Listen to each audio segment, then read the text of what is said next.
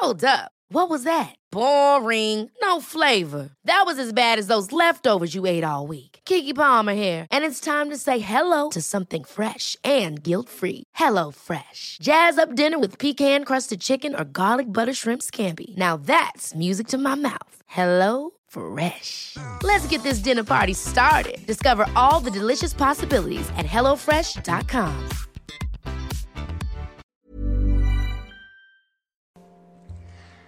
Semuanya, dengan aku Iren akan menemani kalian saat ini.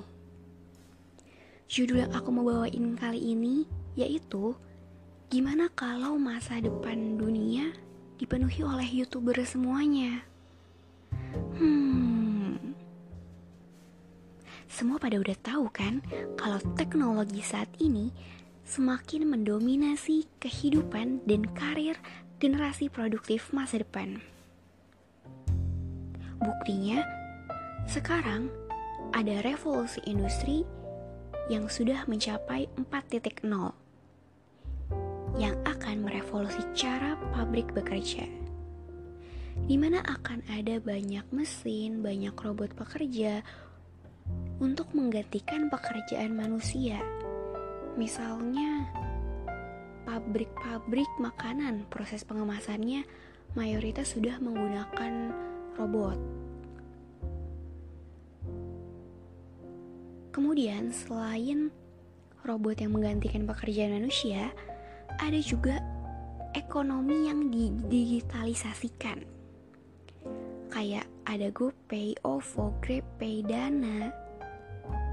Selain itu, ada juga yang namanya artificial intelligence. Dan ada juga yang namanya big data yang mana sekarang tuh big data ini akan menjadi aset suatu negara. Yang katanya ada kata-kata kayak gini. Semakin banyak data yang dimiliki, maka suatu negara pemilik data itu akan semakin diuntungkan. Selain itu, generasi alpha anak-anak artis saat ini dari balita udah pegang gadget. Kalau gadgetnya ditarik, anaknya ngambek, marah-marah. Padahal mainan zaman aku dulu masih bekel, yoyo, kartu, stick es krim yang ditepok terus dibalik, lompat karet. Sementara anak-anak generasi alpha saat ini mainannya gadget. Udah berbeda kan? Nah, ada survei dari First Choice kepada anak usia 6 sampai 17 tahun di mana pilihan karir peringkat nomor satu mereka itu adalah YouTuber sesuai judul podcast kali ini. Diikuti oleh peringkat nomor 2 yaitu blogger dan vlogger. Kalau pekerjaan kayak dokter, perawat itu di peringkat 6 pekerjaan guru di peringkat 7 dan atlet di peringkat 8.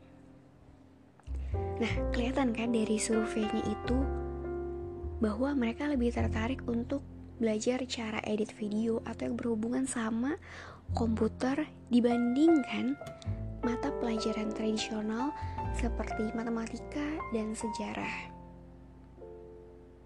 Alasannya apa sih? Alasannya katanya YouTube itu hobi yang dibayar. Terus katanya bisa dikreasikan dengan mudah tanpa batasan juga. Bisa bekerja sama dengan YouTuber lain. Bisa jadi terkenal. Bisa dapat penghargaan sampai dapat penghasilan yang besar. Di mana it's okay, it's good. Masalahnya, ada hal yang mengkhawatirkan.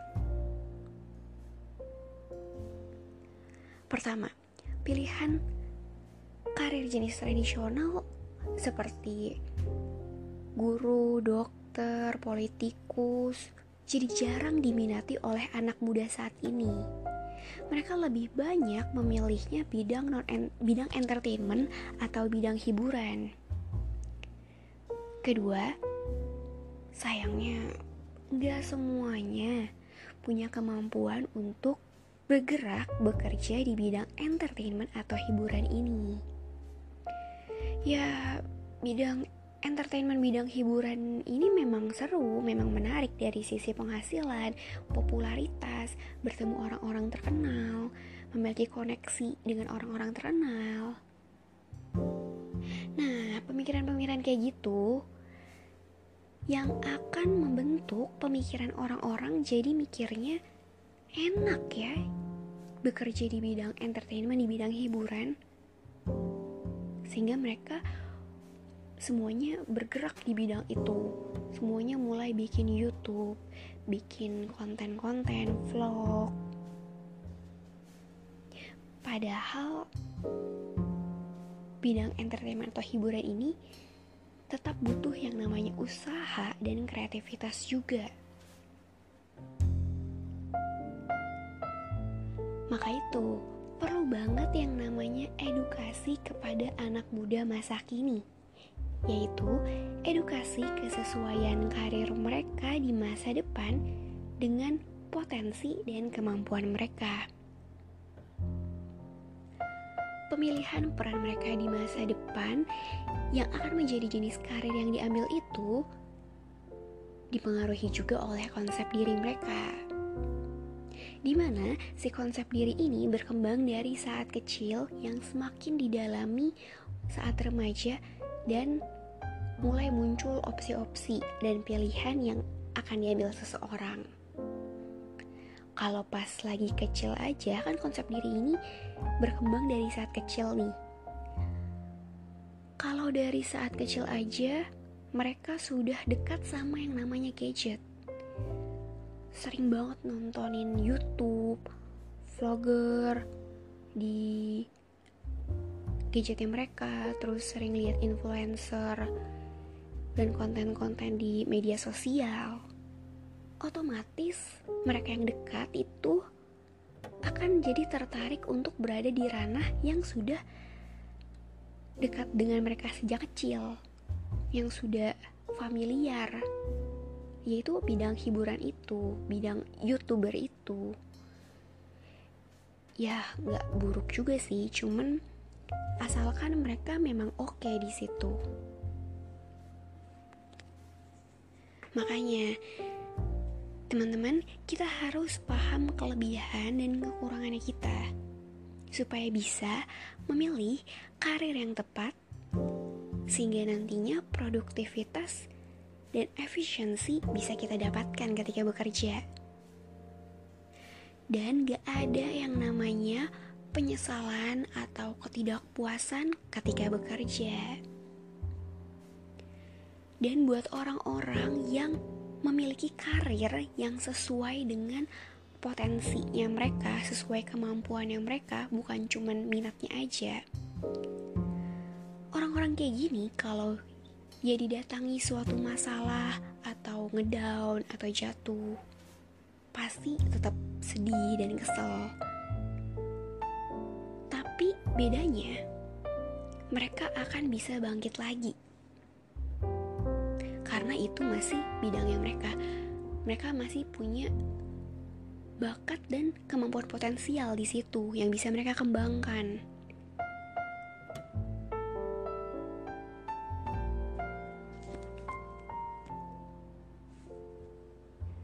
Lagi pula, bidang-bidang selain hiburan juga bisa menghasilkan, bisa menarik, bisa terkenal dan ketemu orang terkenal juga.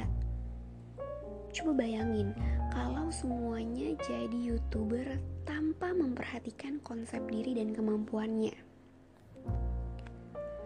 Maka pekerjaan tradisional seperti pebisnis, guru, politikus, dokter, pengacara, staf kantor.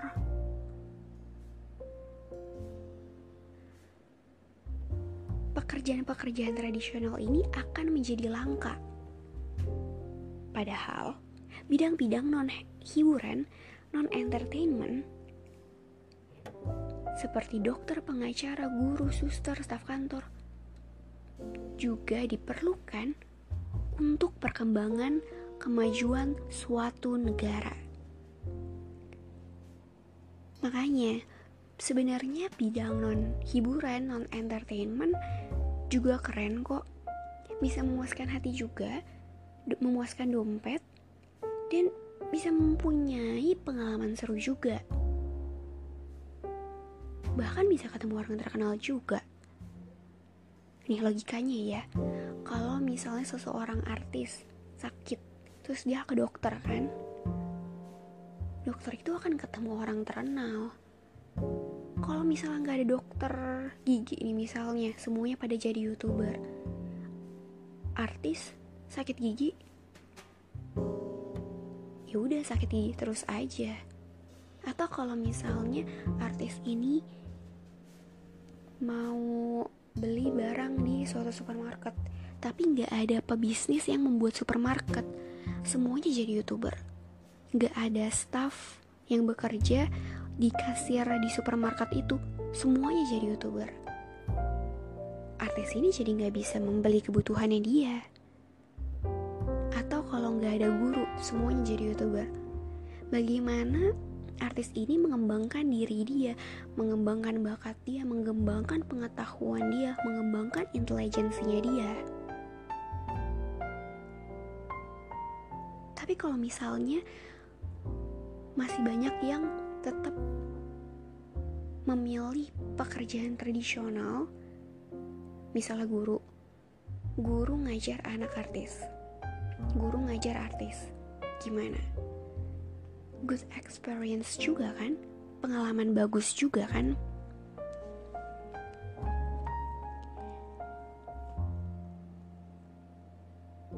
Jadi intinya kita semua nggak perlu berbondong-bondong untuk menjadi youtuber dan berpikir youtuber adalah satu-satunya.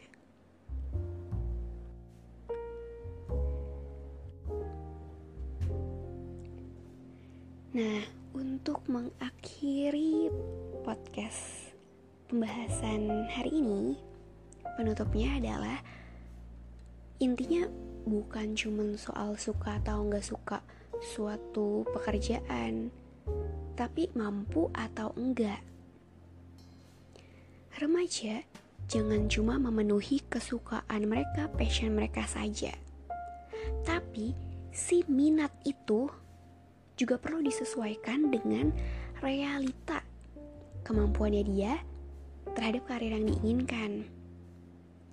Sehingga dia nantinya akan bisa menemukan peran yang tepat untuk dirinya di masyarakat. Generasi muda yang seperti itulah yang bisa bertahan dan siap menghadapi revolusi industri 4.0. Sekian podcast hari ini. Terima kasih yang sudah mendengarkan.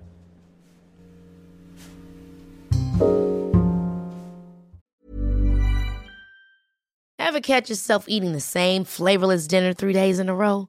Dreaming of something better? Well, HelloFresh is your guilt-free dream come true, baby. It's me, Kiki Palmer. Let's wake up those taste buds with hot, juicy pecan-crusted chicken or garlic butter shrimp scampi. Mm. Hello Fresh. Stop dreaming of all the delicious possibilities and dig in at HelloFresh.com. Let's get this dinner party started.